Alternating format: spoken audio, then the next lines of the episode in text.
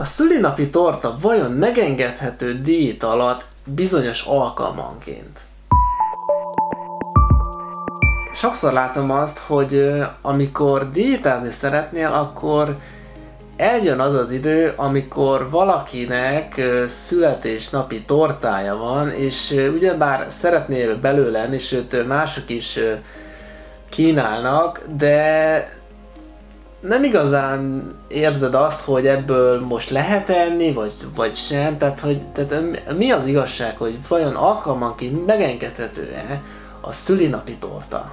Nos, a saját véleményem erről az, hogy ha röviden kellene válaszolnom, hogy nem. Tudom, hogy ezzel nem leszek népszerű, és eddig is azt látom, hogy ha valamit, valamiről az a véleményem, hogy nem szabad megengedni, akkor azt ö, sokan nem szeretik, tehát ö, sokkal inkább ö, ö, olyan tanácsokra úgymond vágynak az emberek, ami arról szól, hogy mit lehet ö, megengedni. Csak sajnos az a gond, hogy diétánál pont az, pont az a lényeg, hogy mit szabad, vagy mit kell elhagyni, mert hogyha nem hagysz el bizonyos ételeket, akkor soha nem fogsz lefogyni. Két oka van pontosan annak, hogy miért nem szabad még csak alkalmanként sem ö, semmilyen édességet vagy ö, süteményt enni. Az első oka az, hogy ö, a diétának pont az a lényege, hogy a magas kalóriatartalmú ételeket elhagy. Tehát ö, a születésnapi torta az pontosan ilyen magas kalóriatartalmú étel és az ilyen ételeket mindenféleképpen el kell hagynod, akár tetszik, akár nem, de sajnos ezek mellett egyszerűen nem tudsz fogyni.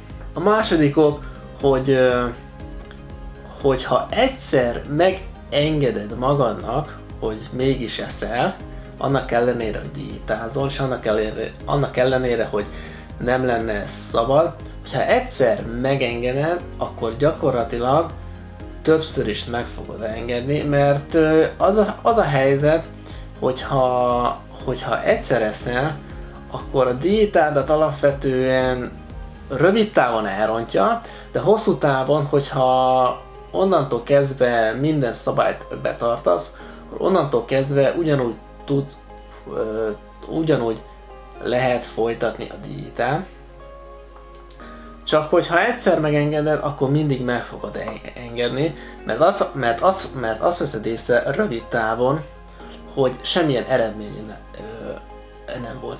És ez igaz is, csak hogyha állandóan meg fogod engedni, akkor hosszú távon már bizony eredménye lesz, mégpedig az lesz, hogy megáll a fogyásod. Már pedig az a célunk, hogy a fogyás folyamatát folyamatosan fent tud tartani, hiszen anélkül nem tudsz eredményt elérni, hiszen az a célunk, hogy lefogy, nem? Úgyhogy most ezek után kérlek írd meg azt, hogy uh, vajon te a jövőben meg fogod, meg fogod-e engedni magadnak, hogy szülinapi tortát egyél bizonyos alkalmanként.